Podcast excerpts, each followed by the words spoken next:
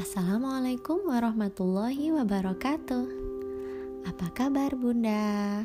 Semoga Bunda yang sedang mendengarkan suara saya ini sedang dalam keadaan sehat dan bahagia, ya. Salam kenal, saya Norma Devita. Panggil saya Vita. Ya, ini adalah podcast pertama saya, loh bertepatan dengan dimulainya kelas Bunda Cekatan Institut Ibu Profesional sekaligus pas saya jadikan ajang untuk memulai hari baru yang berkaitan dengan perpodcastan ini. Ya, saya jadikan podcast ini sebagai salah satu media untuk mengumpulkan tugas dan playground baru saya. Baik, tidak perlu berlama-lama, saya akan mulai membahas tentang sesi pertama kelas Bunda Cekatan yang saya ikuti ini. Ya, kelas Bunda Cekatan adalah uh, kelas jenjang kedua dari tahapan perkuliahan ibu profesional. Setelah sebelumnya, tahap pertama adalah kelas Bunda Sayang di mana di situ kami belajar tentang bagaimana cara mendidik dan membersamai anak-anak kami. Selanjutnya, di kelas Bunda Cekatan kami akan lebih banyak belajar tentang bagaimana menjadi seorang perempuan sebagai individu, sebagai istri, dan juga sebagai ibu yang lebih cekatan dalam menjalankan hari-harinya.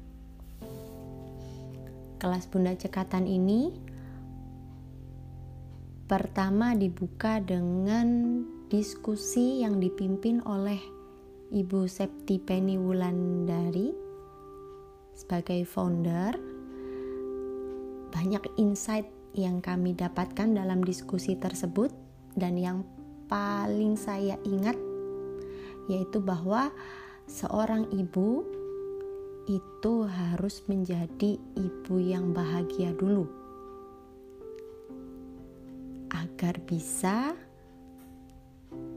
menyebarkan kebahagiaan itu pada seluruh anggota keluarganya. Ya, bagaimana bisa seseorang itu membagi kebahagiaan kalau dirinya sendiri saja tidak bahagia? Jadi, hal pertama yang harus dilakukan adalah mengisi tangki bahagia kita. Barulah setelah itu, kita bisa memberikan kebahagiaan itu untuk anggota keluarga kita.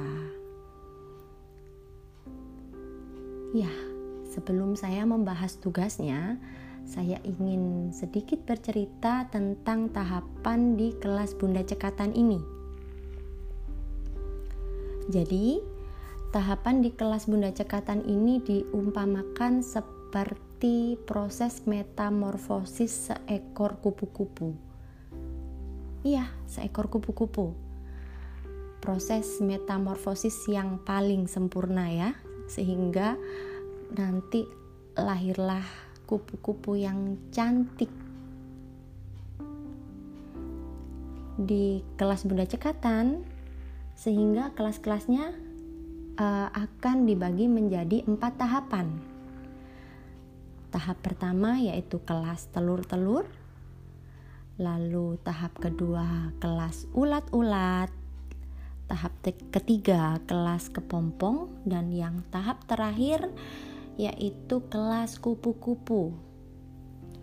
Kali ini saya akan sedikit membahas tentang tahap pertama kelas telur-telur sedang tahap yang lain akan mengikuti seiring saya mengikuti materi di Bunda Cekatan. Di tahap pertama ini, kelas telur-telur, kami belajar untuk mencari dan mengetahui di mana sisi kekuatan, potensi yang kami miliki, dan menemukannya, sehingga bisa menjadikan potensi kekuatan itu sebagai pijakan untuk menjadi seorang perempuan yang lebih cekatan. Ya, sekilas tahapan pertama, dan langsung saja saya akan beranjak pada tugas sesi pertama ini. Tugas sesi pertama, kami diberikan dua infografis di mana di situ kami diminta untuk mm, menuliskan uh, kegiatan atau aktivitas yang digolongkan menjadi empat kategori dalam empat kuadran. Kategori yang pertama yaitu kategori aktivitas yang tidak bisa dan tidak suka. Di sini saya menuliskan ada tiga poin. Yang pertama, ingkar janji. Ya, saya paling tidak suka dengan orang yang ingkar janji. Mungkin ini berkaitan juga dengan saya, orang yang uh, stick to the plan. Jadi ketika ada rencana dan ternyata rencana itu gagal, maka itu akan merusak mood saya, akan mengacak hari saya. Termasuk itu dengan orang yang ingkar janji. Itu maka akan benar-benar merusak hari saya. Dan yang selanjutnya, disuruh-suruh. Saya tidak suka disuruh-suruh. Walaupun mungkin semua orang pada dasarnya tidak ada yang suka, tapi uh, kalau saya untuk hal ini sangat sensitif sekali ketika seseorang menyuruh dengan cara yang kurang tepat maka saya tidak suka. Mungkin ada orang yang ya easy going lah dengan itu, tapi kalau saya ini akan sangat mengganggu dan ya tidak suka. Dan yang ketiga adalah mengerjakan hal-hal yang berkaitan dengan berat tanda petik. Apakah maksud tanda petik itu? Langsung saya beri contohnya. Yang pertama angkat galon. Ini adalah hal yang saya tidak bisa dan saya tidak suka. Ketika saya harus terpaksa mengangkat galon, misal suami sedang tidak ada, maka dengan melakukan hal ini akan merusak mood saya, bisa merusak hari saya dan membuat saya gampang emosi sumbu pendek. Contoh yang kedua, jagrak tengah sepeda motor. Ini bisa stres saya ya. Selanjutnya, kita bergeser ke kuadran kedua, yaitu kuadran yang bisa, tetapi saya tidak suka. Uh, di sini saya menuliskan dua poin tapi sebenarnya ini hanya perwakilan. Secara umum hal yang saya bisa dan tidak suka adalah hal-hal yang berkaitan dengan housekeeping. Seperti menyetrika, membersihkan rumah, mencuci, bahkan memasak. Yang membutuhkan waktu lama itu saya tidak tahan. saya bisa langsung berubah muka. Auranya itu langsung surem gitu. Kalau terlalu lama saya bisa stres di sini tapi memang harus dilakukan ya. Jadi ya selama wajar it's okay saya lakukan. Geser ke kuadran ketiga yaitu aktivitas yang tidak bisa tetapi saya suka. Di sini saya tuliskan dua poin yaitu marketing, pemasaran atau jualan dan menjahit. Untuk marketing ini saya suka.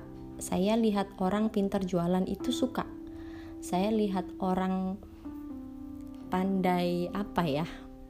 menarik menarik pembeli, membuat uh, orang jadi bisa apa ya tertarik dengan sebuah produk itu saya amazed gitu, tertarik suka lihatnya. Tapi kalau saya sendiri itu saya belum bisa.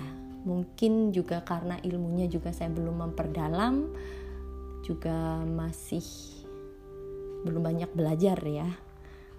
Tapi ini intinya masih masuk di kuadran tidak bisa dan suka. Dan yang kedua menjahit.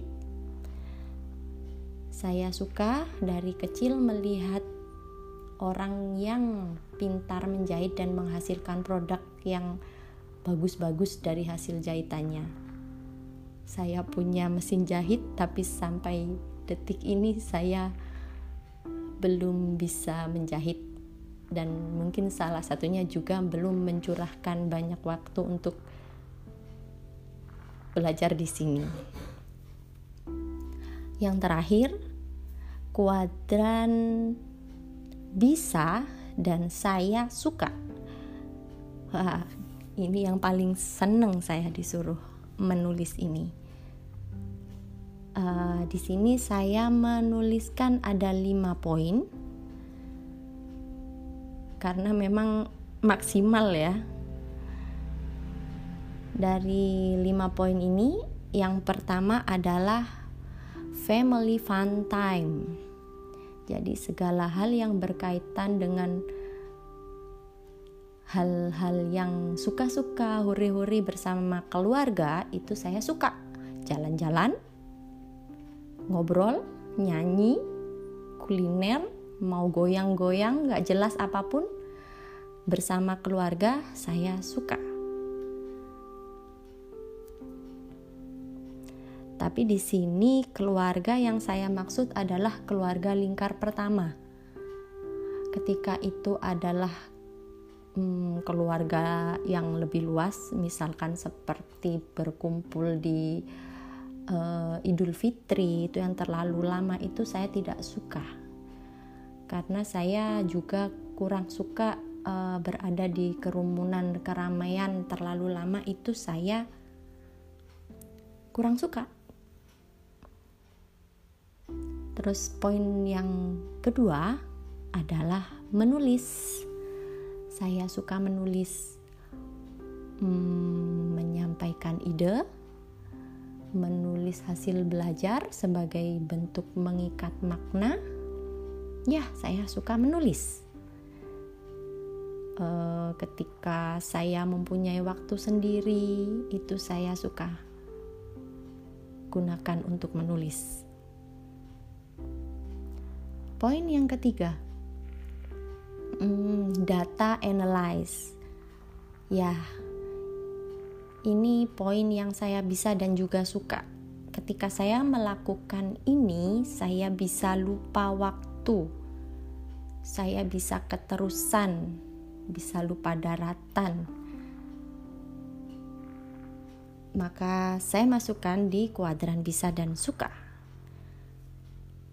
Poin keempat, desain grafis. Saya suka dan saya bisa. Walau levelnya masih beginner intermediate, tapi saya suka dan saya terus melakukan ini. Dan yang terakhir adalah transfer knowledge. Ketika saya bisa menyampaikan apa yang saya tahu, ilmu yang saya punya kepada seseorang, kepada orang yang membutuhkan, dan apalagi ketika orang itu merasa lega, merasa puas, merasa tertolong dengan ilmu yang saya sampaikan, itu saya suka. Ini kenapa saya juga menjadi memilih untuk menjadi fasilitator kelas-kelas karena memang sebagai playground saya. Ya, demikian tadi empat kuadran yang memetakan hmm, aktivitas suka, bisa, tidak suka, tidak bisa, tidak suka, bisa, dan suka tidak bisa. Dan selanjutnya tugas di kelas Bunda Cekatan sesi 1 ini adalah menuliskan 5 saja hal yang menjadi kekuatan dari aktivitas-aktivitas yang tadi sudah dipetakan. Seperti yang sudah saya jelaskan, di sini saya langsung menuliskan 5 poin tertinggi tadi, yaitu family fun time, menulis, data analyze, desain grafis, dan transfer knowledge. Demikian tugas sesi pertama ini. Terima kasih sudah mendengarkan podcast pertama saya. Sampai jumpa lagi. Wassalamualaikum warahmatullahi wabarakatuh.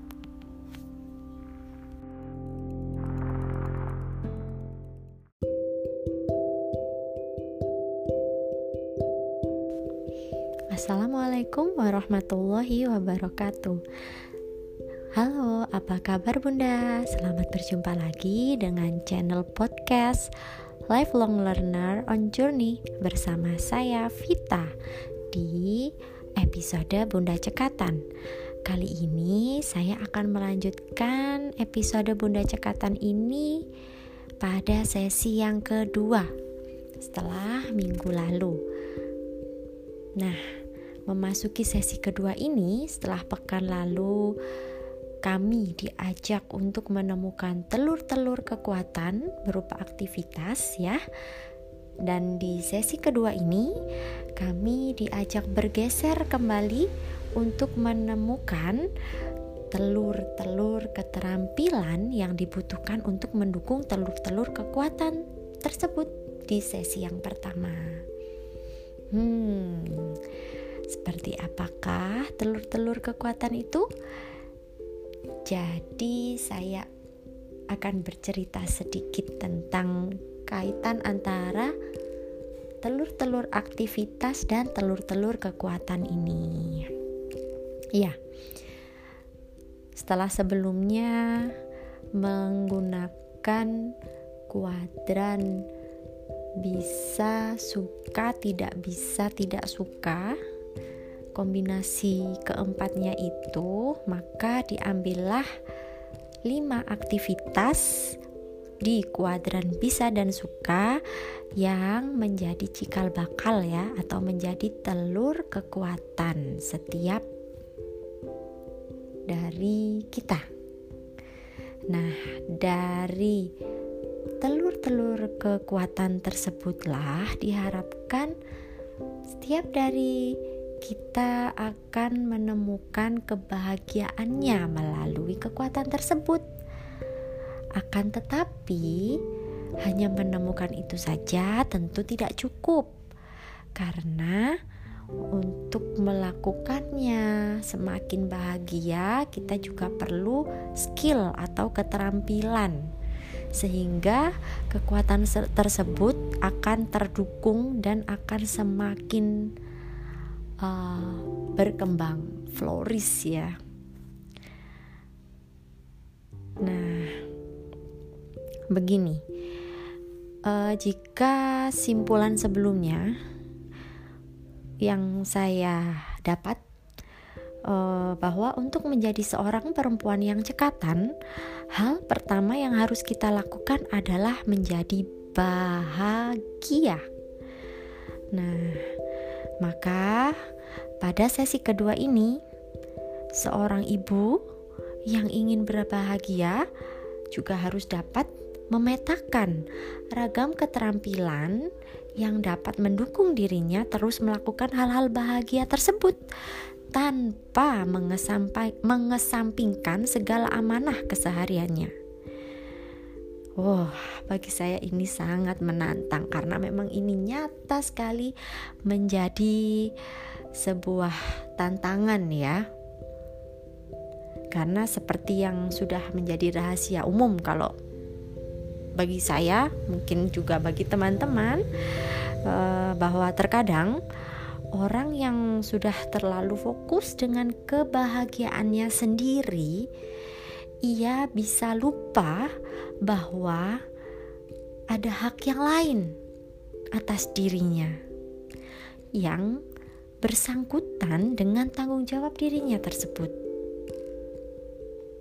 Nah, jika hak yang lain ini tidak tertunai dan terbengkalai karena kita yang kebablasan, yang terlenakan atau lupa daratan dengan kebahagiaan diri sendiri, kesibukan kebahagiaan diri sendiri, maka ini akan menimbulkan ketimpangan dalam hidup.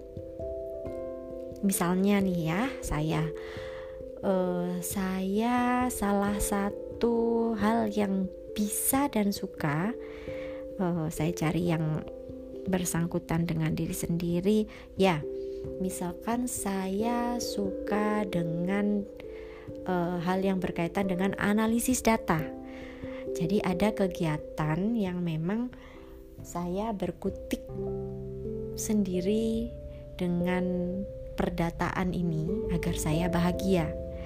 Nah, di sini ketika saya melakukan hmm, data analyze terus saya ternyata lupa waktu karena saking asiknya begitu ya uh, akhirnya ada waktu lain yang tergeser atau terkesampingkan. Misalkan uh, waktunya menyiapkan makan malam gitu ya karena terlalu asik akhirnya tergeser atau uh, terbengkalai. Jadinya ketika suami datang atau anak lapar uh, makan malam belum tersiapkan.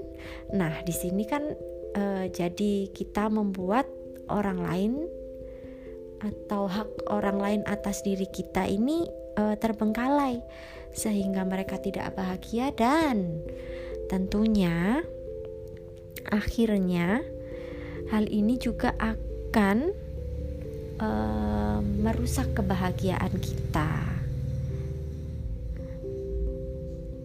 Gitu. Nah di sinilah pentingnya untuk menentukan keterampilan yang harus dipenuhi. Baik itu mungkin yang pertama adalah keterampilan yang memang untuk menguatkan kebahagiaan kita sendiri.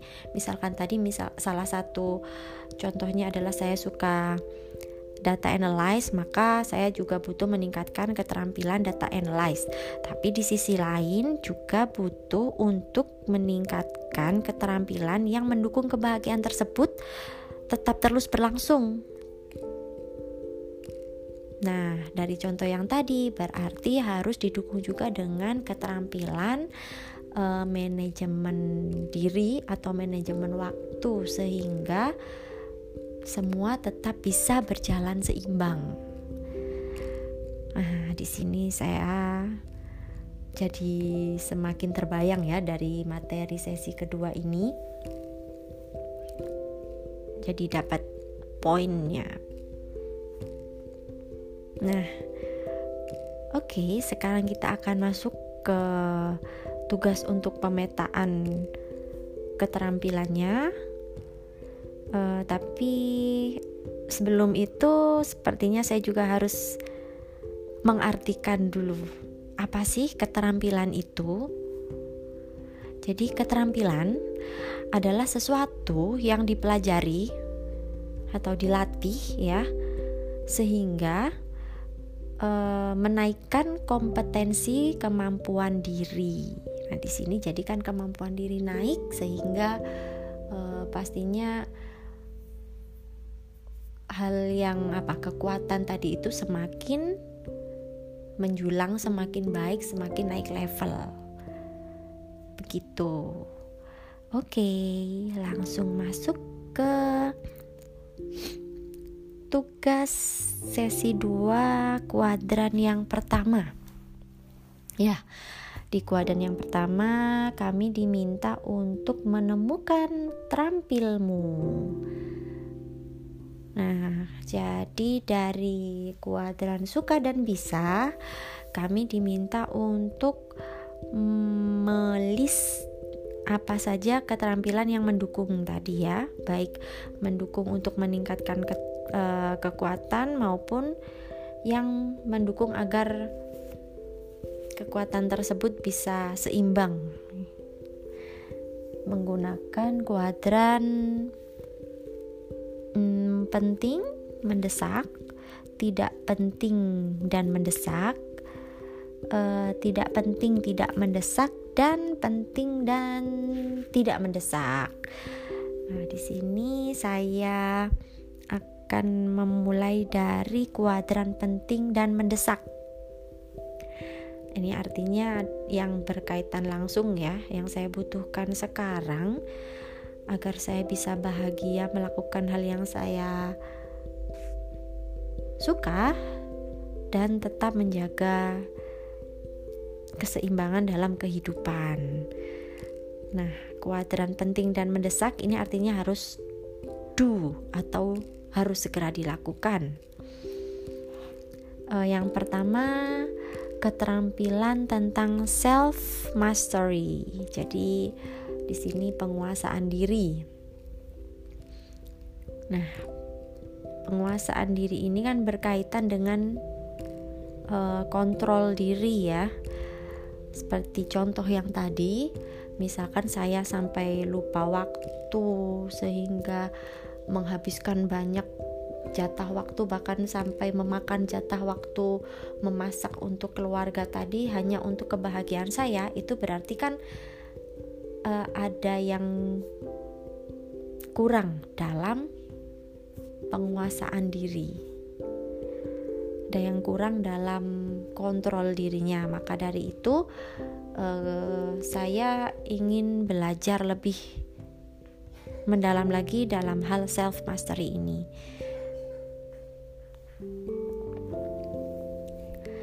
Ketika berkata self mastery, saya jadi ingat uh, apa hal yang saya yakini, yaitu bahwa apa yang kita pikirkan itu akan mempengaruhi apa yang kita rasakan.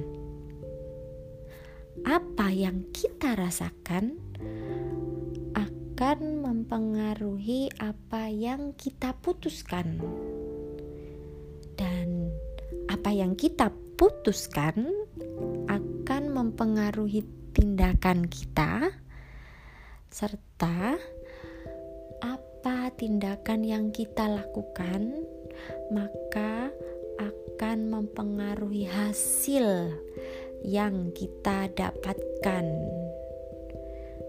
Nah, ini adalah pijakan pertama bagi saya bahwa dalam self mastery ini pasti berkaitan dengan tadi mind, pikiran,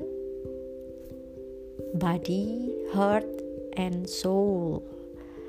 Jadi pikiran kita, uh, hati kita, jiwa kita, tubuh kita melakukannya. Nah, ini ini nanti yang akan saya pelajari dalam self mastery ini sehingga benar-benar bisa berdaulat akan diri sendiri ya, dapat mengontrol lebih baik lagi dalam mengontrol diri. Nah, ini ada saya sudah belajar juga tentang beberapa uh, literatur referensi tentang self mastery ini Insya Allah nanti akan ter apa ya ter terpecahkan atau terpelajari seiring berjalannya kelas Bunda Cekatan ini juga. Selanjutnya, uh, hal penting dan mendesak yang kedua yaitu tentang uh, playfulness dan gamification. Ini saya jadi saya jadikan satu saja playfulness atau gamification ini karena dalam hmm, saya sekilas mencari itu masih dalam satu apa ya satu jurusan lah ya. Uh, kenapa saya memilih ini karena uh, salah satu hal yang saya suka dan bisa itu kebahagiaan saya adalah uh, family fun time yang di dalamnya itu ada bermain, bermain dengan keluarga, bermain dengan anak, terus jalan-jalan, ngobrol atau apa pun yang menyenangkan gitu ya. Karena itu saya ingin uh, mempelajari skill ini tadi bagaimana saya bisa benar-benar bermain. Bermain tidak hanya sekedar bermain tapi benar-benar kalau pernah mendengar mindful ya dengan seutuhnya jiwa raga kita hadir di situ menikmati hari itu saat itu juga begitu juga dengan playfulness saya ingin benar-benar main totalitas seperti ya layaknya anak kecil. Karena terkadang saya merasa uh, masih ada hmm, semacam monkey main atau waktu main pikiran masih mikir aduh cucian atau aduh masakan seperti ini seperti itu. Nah itu mungkin itu berkaitan dengan mindful dan playfulness ini. Jadi saya ingin mempelajarinya. Kalau uh, untuk yang mindful uh, saya rasa itu juga akan nanti masuk di self mastery Nah, yang selanjutnya uh, read writing, writing skill, writing skill karena saya suka menulis, maka saya juga perlu untuk meningkatkan kompetensi menulis saya. Yang keempat, graphic design skill tentunya uh, saya ini sebenarnya untuk writing skill, graphic design skill ini terus sudah sudah berjalan. Uh, ada waktu tertentu yang memang sudah dialokasikan atau bahkan sudah berkaitan dengan kegiatan atau amanah yang saya pegang saat ini untuk mendukung saya meningkatkan skill writing, graphic design dan oh ya dan satu yang terakhir juga database management skill ini.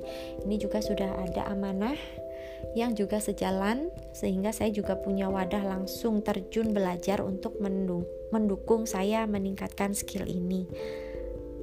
Ya, itu tadi uh, yang ada di kuadran penting dan mendesak. Selanjutnya kita bergeser ke kuadran tidak penting dan mendesak.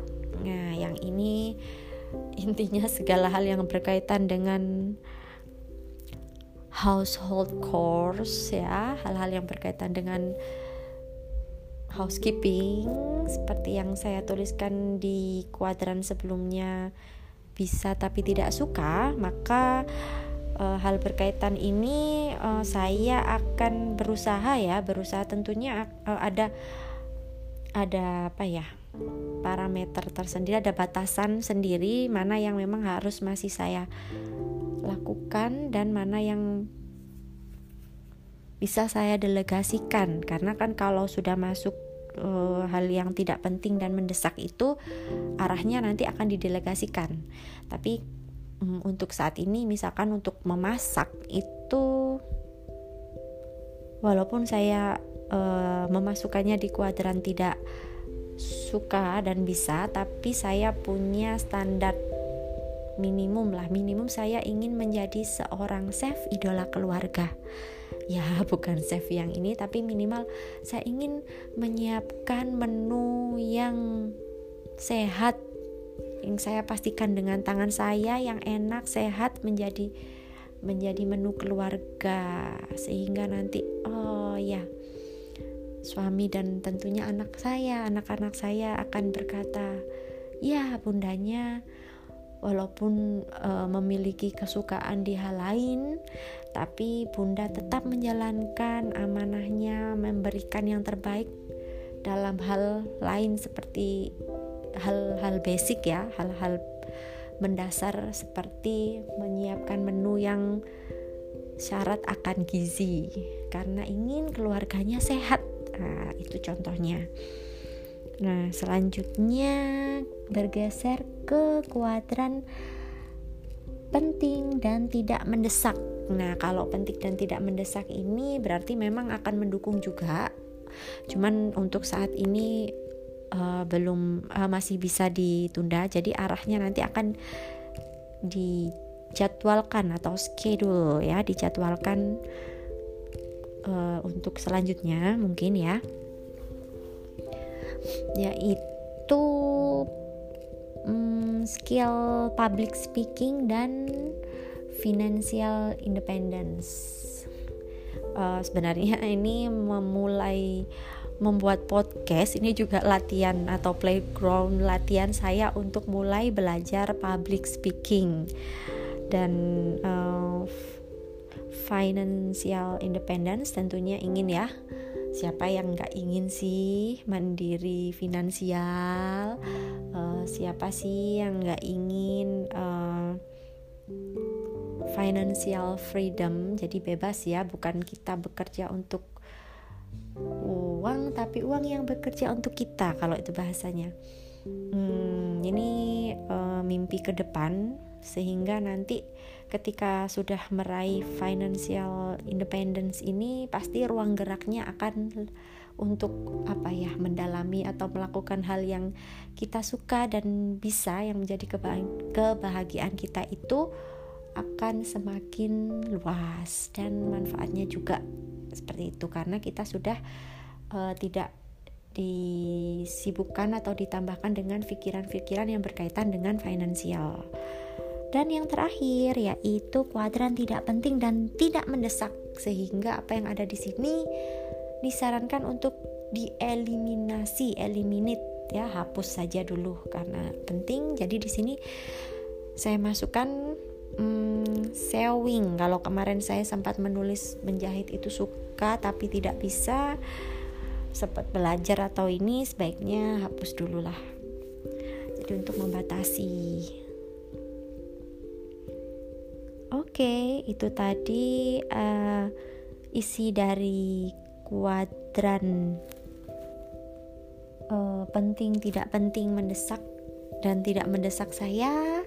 Dan selanjutnya saya harus menuliskan maksimal 5 keterampilan yang menjadi concern utama untuk segera dikuasai untuk mendukung eh, telur-telur uh, kebahagiaan saya dan lima keterampilan tersebut adalah yang sudah saya sebutkan di poin penting dan mendesak tadi yaitu uh, playfulness and gamification, uh, writing skill, self mastery, database management skill, and graphic design skill. Itu tadi lima uh, keterampilan yang segera harus saya tingkatkan kompetensinya sehingga insya Allah Bismillah akan semakin bahagia dan semuanya semakin mendapat tebaran kebahagiaan dari Bunda. Hmm, yap, demikian untuk tugas sesi kedua ini. Sebelum saya tutup, uh, ada sebuah kata simpulan dari saya setelah mendapat materi kedua ini yaitu bahwa kunci kebahagiaan itu tak hanya mencari apa yang kita suka dan bisa tetapi juga tentang keseimbangan, keteraturan, harmoni, dan ritme dalam membaginya dengan hak yang lain seperti hak Allah, hak suami, hak anak, dan seterusnya. dan itulah definisi kebahagiaan yang saya dapat sampai detik ini. Jadi bisa disimpulkan bahwa kata bahagia akan kehilangan maknanya jika tidak diikuti dengan keseimbangan hidup. Demikian sesi kedua ini. Terima kasih telah mendengarkan podcast Lifelong Learner on Journey saya. Selamat malam dan sampai jumpa lagi di sesi selanjutnya. Wassalamualaikum warahmatullahi wabarakatuh.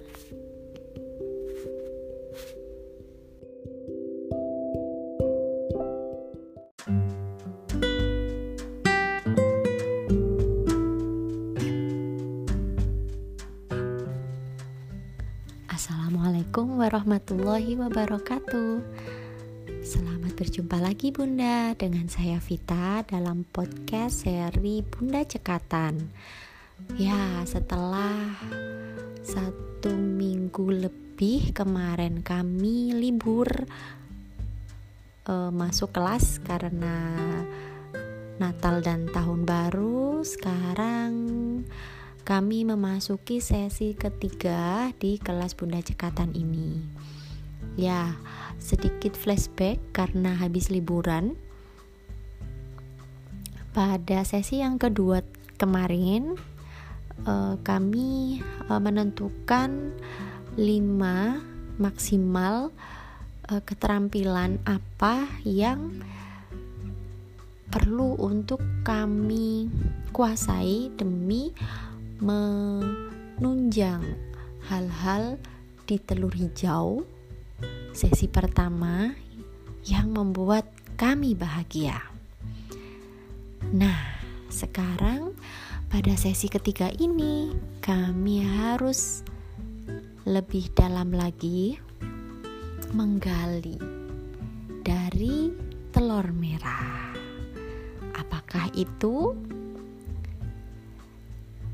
Ya, pada sesi ketiga ini, telur-telur yang muncul adalah telur berwarna orange.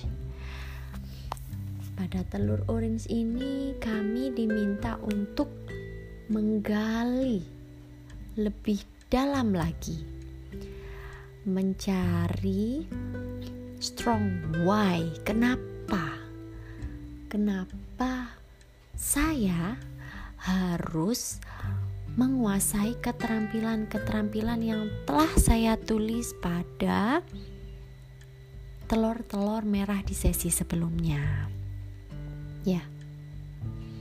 Jadi, e, ibaratnya jika keterampilan itu adalah um, skill yang akan atau harus ingin saya kuasai, maka hmm, untuk mencapai skill itu dikuasai oleh saya, saya membutuhkan ilmu menuju ke sana. Nah, di sinilah pada sesi ketiga ini saya harus menentukan ilmu apa saja yang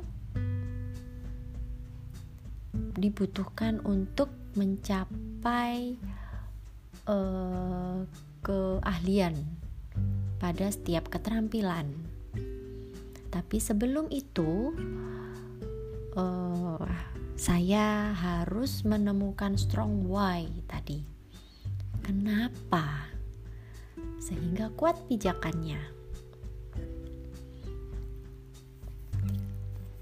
Baik, langsung saja saya akan menjelaskan masing-masing poin yang berkaitan dengan strong why sebelum saya menemukan ilmu apa yang nantinya akan mendukung dalam mastering keterampilan yang sebelumnya ditulis.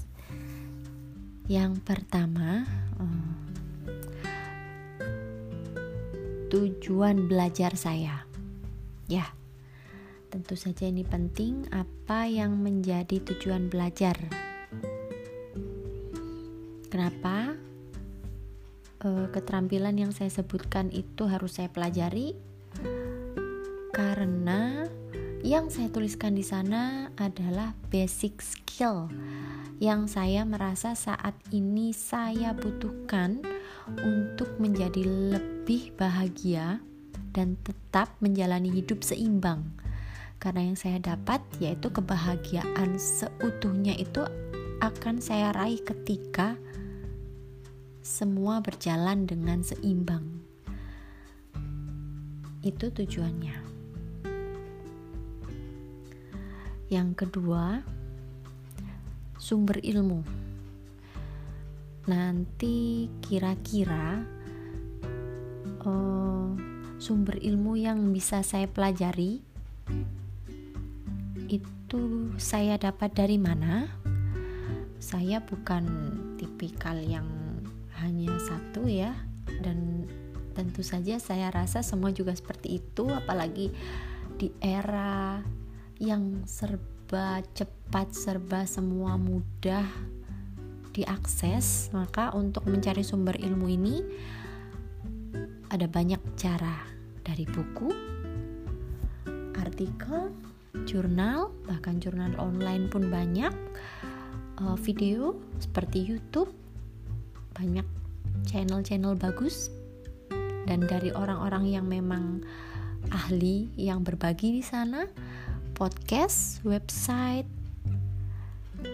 uh, seminar untuk offline-nya jika ingin langsung bertatap muka karena saya juga butuh terkadang itu ketika offline itu ada tenaga, ada energi yang lebih itu yang terasa di sana. Selain mendapatkan ilmu secara langsung dari pakarnya juga di sana saya bisa bertemu dengan orang-orang yang bisa bisa jadi satu tujuan dengan saya. Ya, seminar, workshop, kuliah umum atau bahkan sharing dengan sesama teman, tacit knowledge. Dari situ dari hamparan ilmunya Allah di bumi ini menjadi sumber ilmu yang bisa diambil.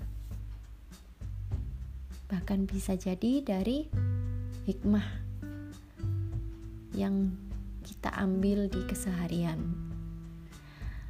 Selanjutnya, hmm, cara belajar yang gue banget itu seperti apa? Itu penting karena ya setiap orang pasti punya cara belajar yang berbeda.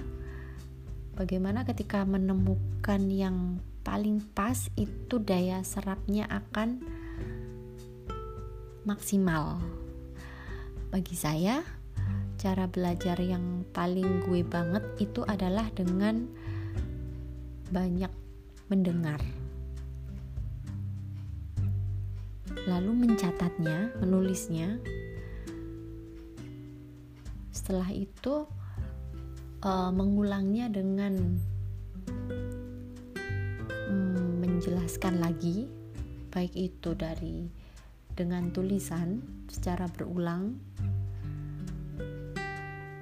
dengan bicara seperti ini dan mendengarkannya lagi, lalu mempraktikkannya dan dari mempraktekkan itu biasanya akan terhubung lagi, revisi lagi apa yang dituliskan, apa yang didapat karena e, sumber ilmu yang pertama itu adalah sebuah referensi yang datang yang perlu saya olah.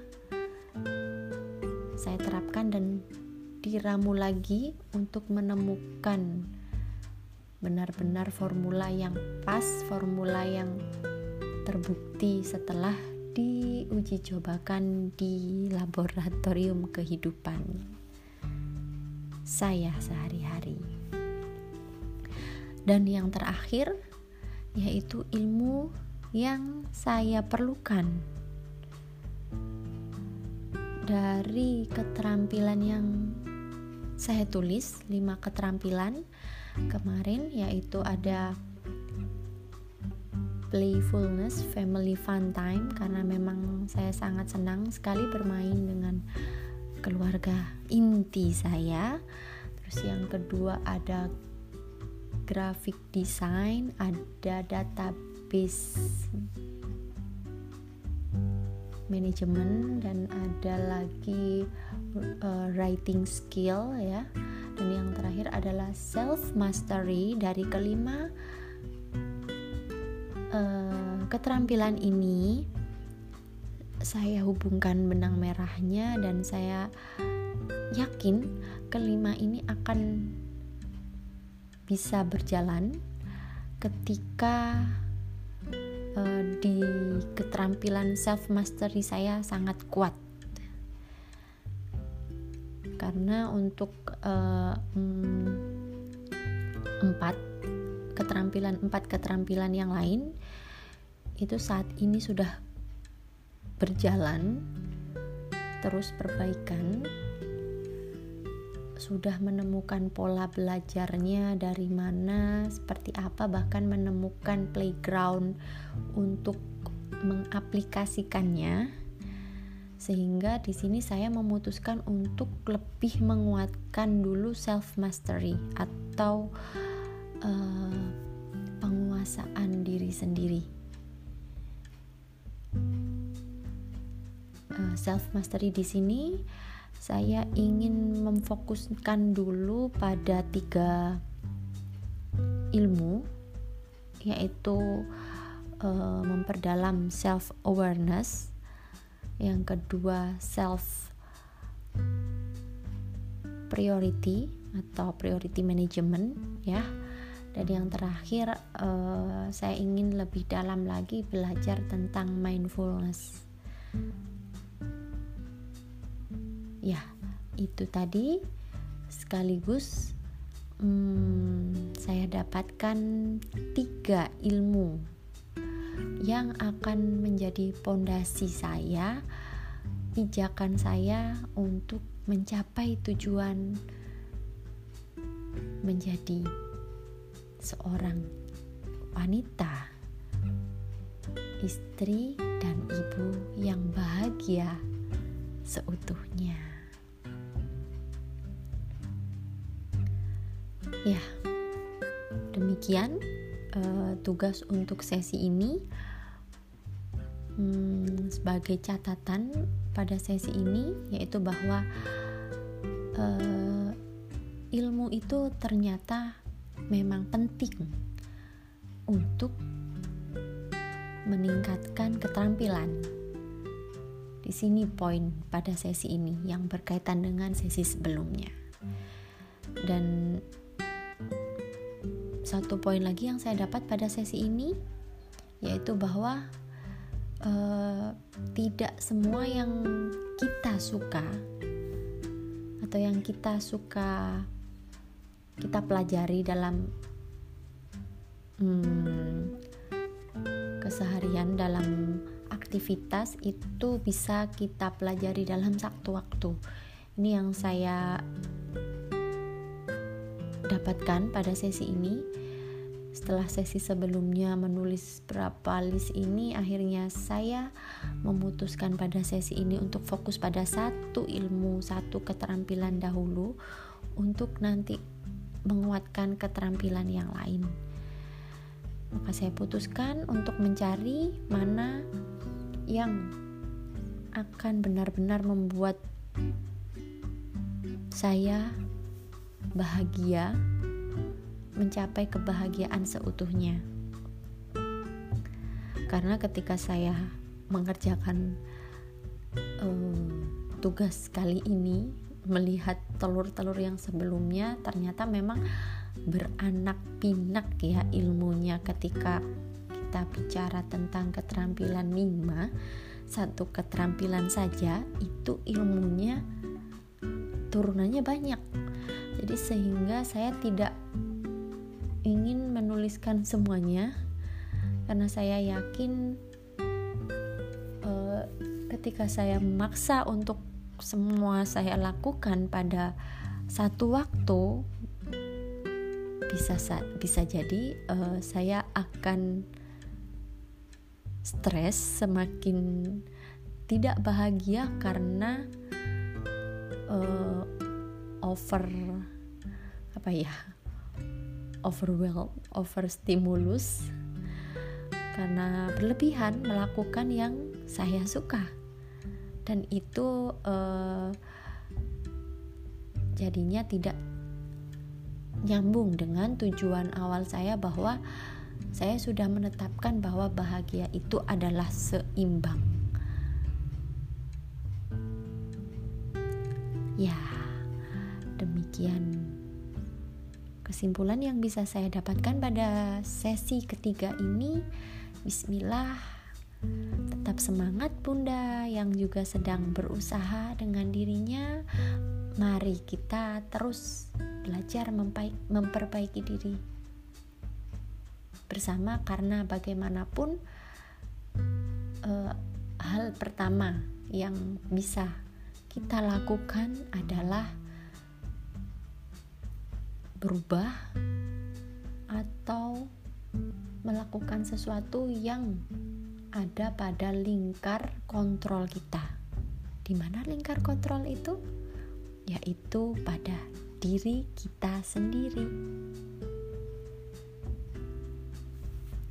Ya, yeah, for things to change, I must change first. Demikian sesi ketiga kali ini. Sampai jumpa pada sesi selanjutnya. Wassalamualaikum warahmatullahi wabarakatuh.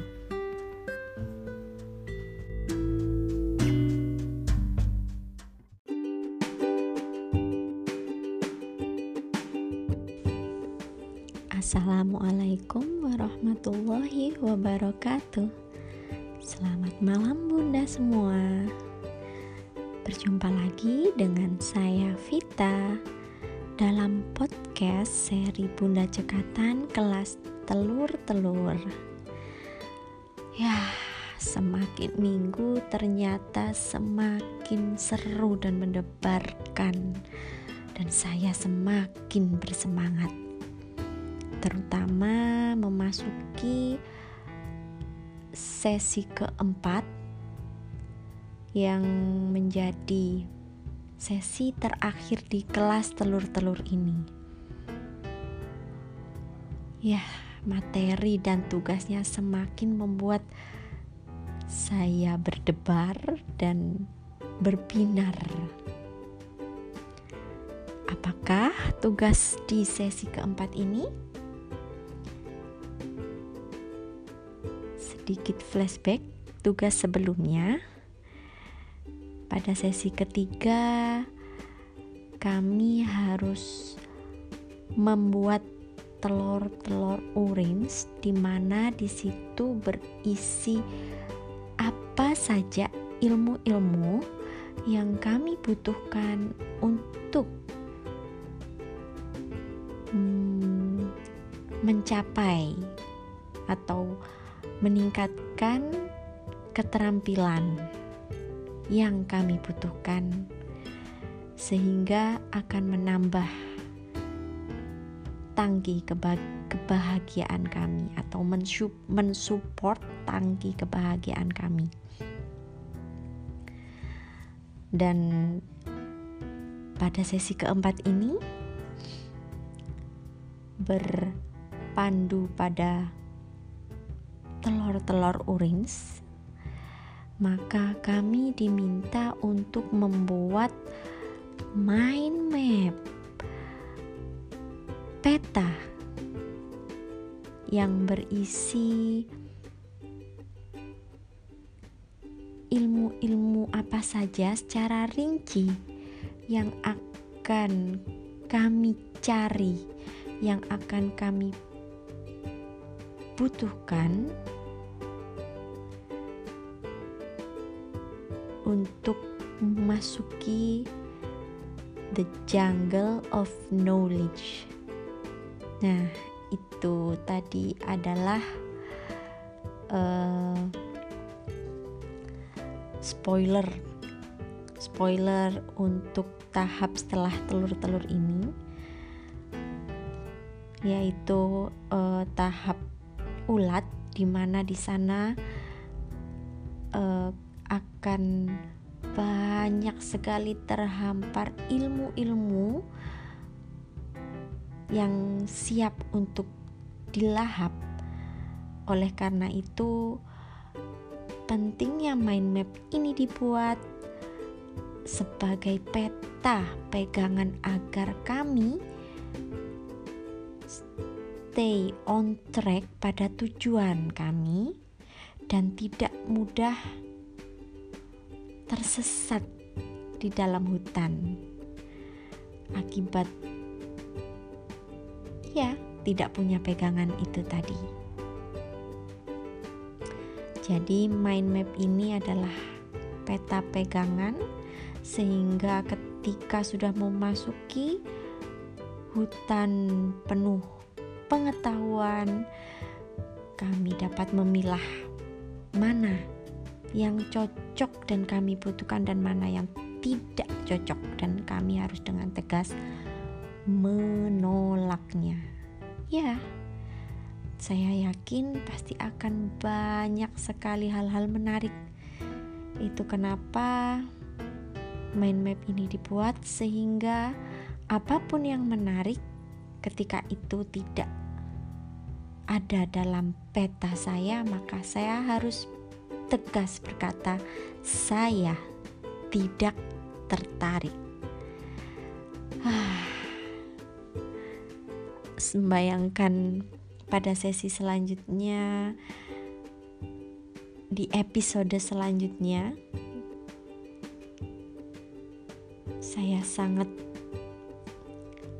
bersemangat.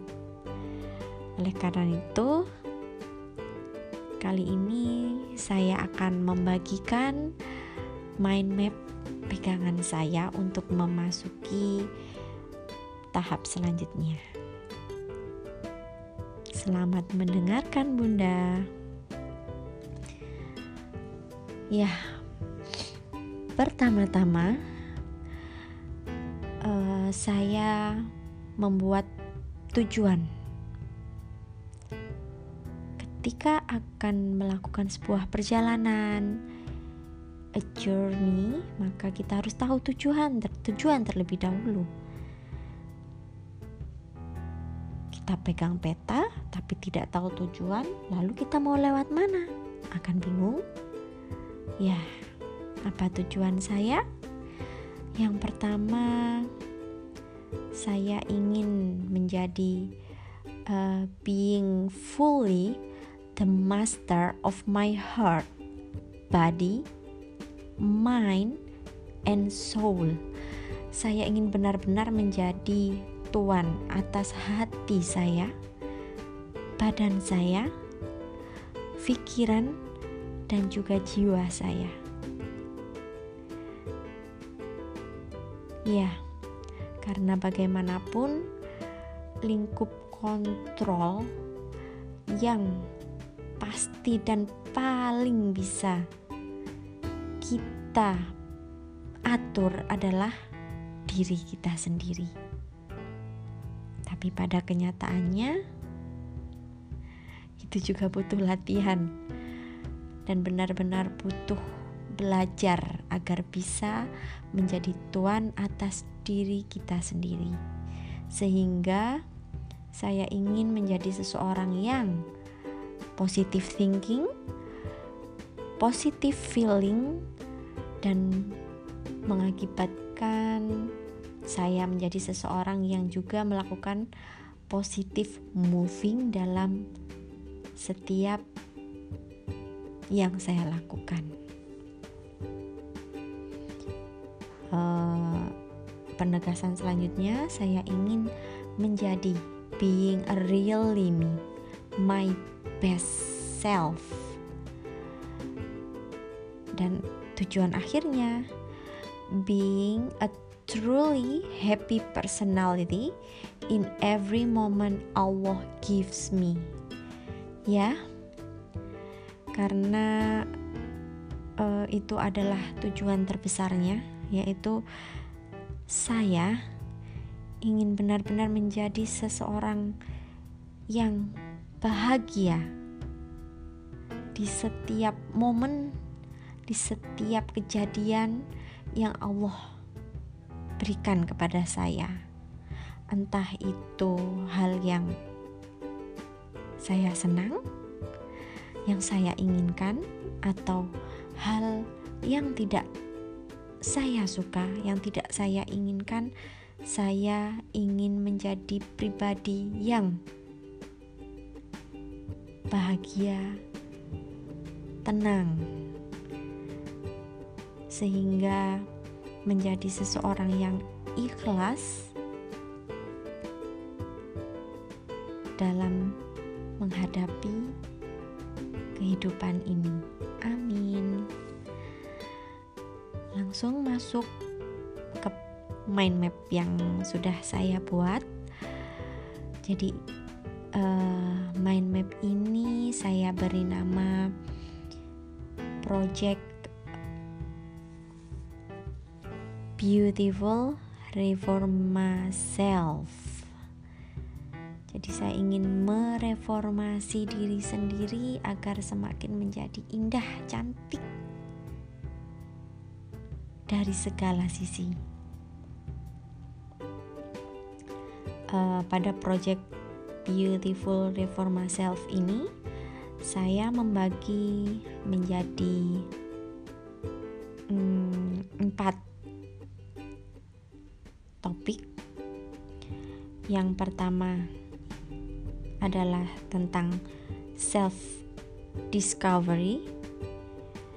Yang kedua adalah self development. Yang ketiga adalah self mastery dan yang terakhir adalah self actualization. Dan pada masing-masing topik saya membaginya menjadi beberapa subtopik yang juga harus saya pelajari untuk meraih tujuan tadi. Untuk topik yang pertama, self discovery, saya membaginya menjadi lima subtopik, yaitu self reflection, self awareness, interest awareness, hopes and dreams, dan yang terakhir career discovery. Subtopik tadi yang akan membantu saya untuk menemukan diri saya. Selanjutnya, ketika self discovery sudah, maka saya akan beranjak menuju topik kedua yaitu self development uh, yang terdiri dari subtopik interpersonal skill dan personal effectiveness. Seperti apa itu? Saya juga belum terlalu tahu karena itu yang ingin saya pelajari setelah self development kita nah saya akan bergeser lagi pada topik yang ketiga dan ini yang ingin benar-benar saya capai ya jadi bisa dibilang ini adalah topik yang paling utama akan banyak dan ingin mendalaminya yaitu tentang self mastery. Ya, awalnya memang saya jika melihat di telur-telur sebelumnya uh, hal yang memang ingin saya raih adalah keterampilan tentang self mastery. Seiring mengikuti sesi demi sesi ini dan saya belajar mencari referensi ternyata untuk mencapai self mastery ini sebelumnya saya harus melalui tahap dua topik sebelumnya yaitu self discovery dan self development ini sebagai fondasi untuk masuk ke dalam uh, topik self mastery sehingga akhirnya di sini saya putuskan untuk belajar dua tadi untuk membantu saya benar-benar bisa menguasai topik self mastery ini. Baik, kembali kepada topik yang ketiga. Topik ketiga ini saya bagi menjadi empat subtopik, yaitu yang pertama adalah tentang mastery in my soul, ya, jiwa. Yang kedua, mastery in my mind, pikiran. Yang ketiga, mastery in my body, tubuh. Dan yang keempat adalah mastery in my heart. Dari keempat subtopik ini sendiri, uh, saya menjadi uh, memecahnya lagi menjadi sub subtopik. Seperti untuk soul, ada sub subtopik 1, 2, 3, 4, 5, 6 yaitu tentang self discovery, meditation, purpose, spiritually and faith, fulfillment, dan self actualization. Lalu untuk yang mind ada preference, mental conditioning, personal effectiveness, thinking, learning, meditation and relaxation, dan yang terakhir mind body connection.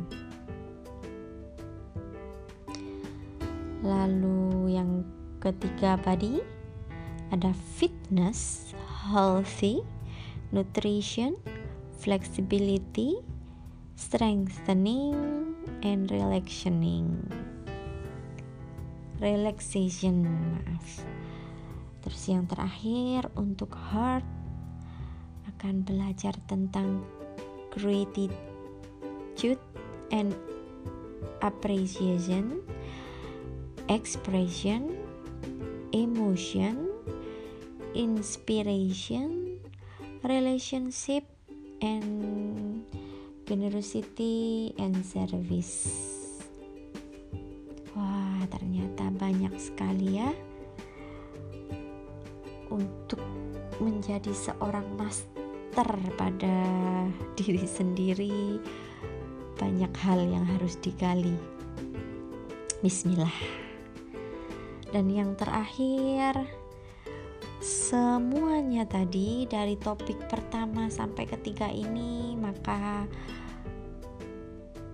berakhir pada muara topik keempat yaitu self actualization.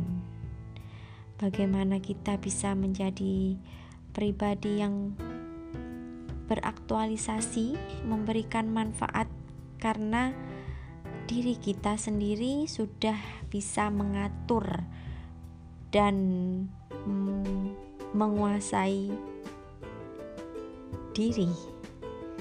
Sehingga dengan itu insya Allah siap untuk semakin banyak luas menebar manfaat.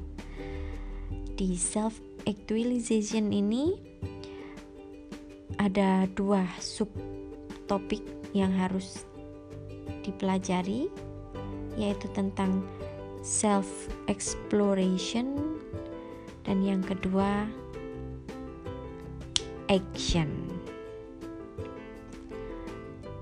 Demikian mind map yang saya buat sebagai pegangan belajar saya. Wah, saya melihat mind map saya sendiri antara takjub uh, deg-degan karena saya lihat ini juga wah tinggi sekali. Tapi ya di situlah kita memang harus memasang mimpi setinggi mungkin sehingga kita juga bisa semaksimal mungkin untuk meraihnya untuk menjadi the best of me. Demikian pemaparan untuk sesi keempat ini. Terima kasih sudah berkenan mendengarkan. Semoga bermanfaat untuk saya sendiri tentunya dan untuk yang mendengarkan. Sampai jumpa pada sesi berikutnya, insya Allah pada episode yang lain. Dan selamat malam. Wassalamualaikum warahmatullahi wabarakatuh. Salam dari saya Norma Devita.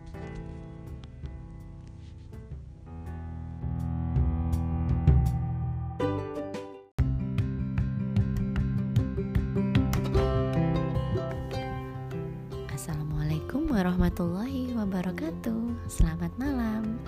Selamat berjumpa kembali dengan saya Vita Di podcast seri Bunda Cekatan.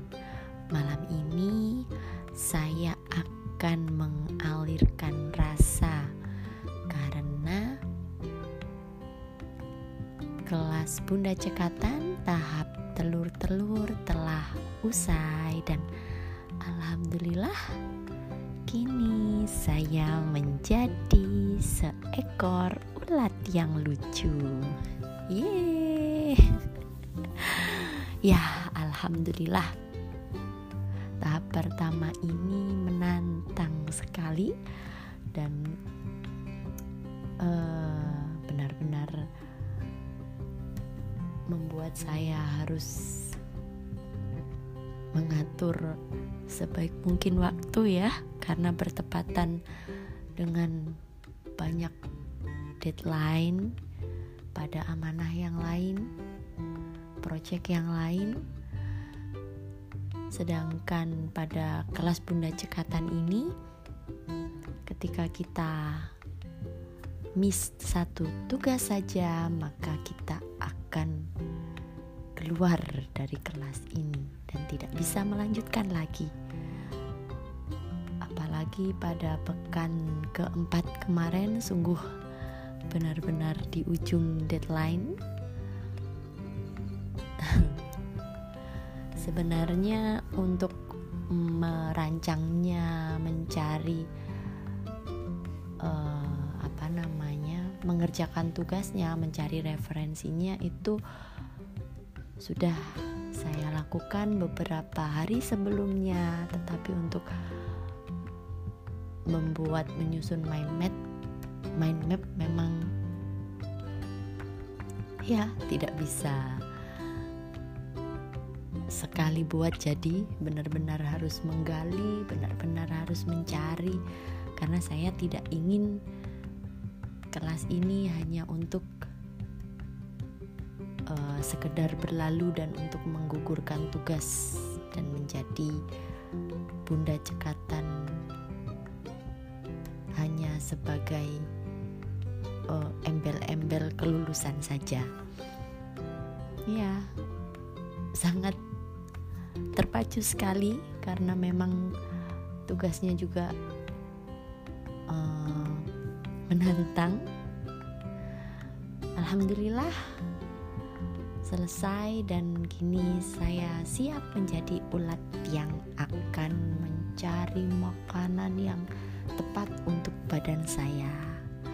Karena setelah ini si ulat mungil dan lucu ini akan memasuki the jungle of knowledge dengan berpegang mind map sebagai peta agar tidak tersesat agar tetap stay on track pada tujuan dan ya bismillah semoga bisa benar-benar fokus di sini dan mencapai apa yang sudah saya tuliskan.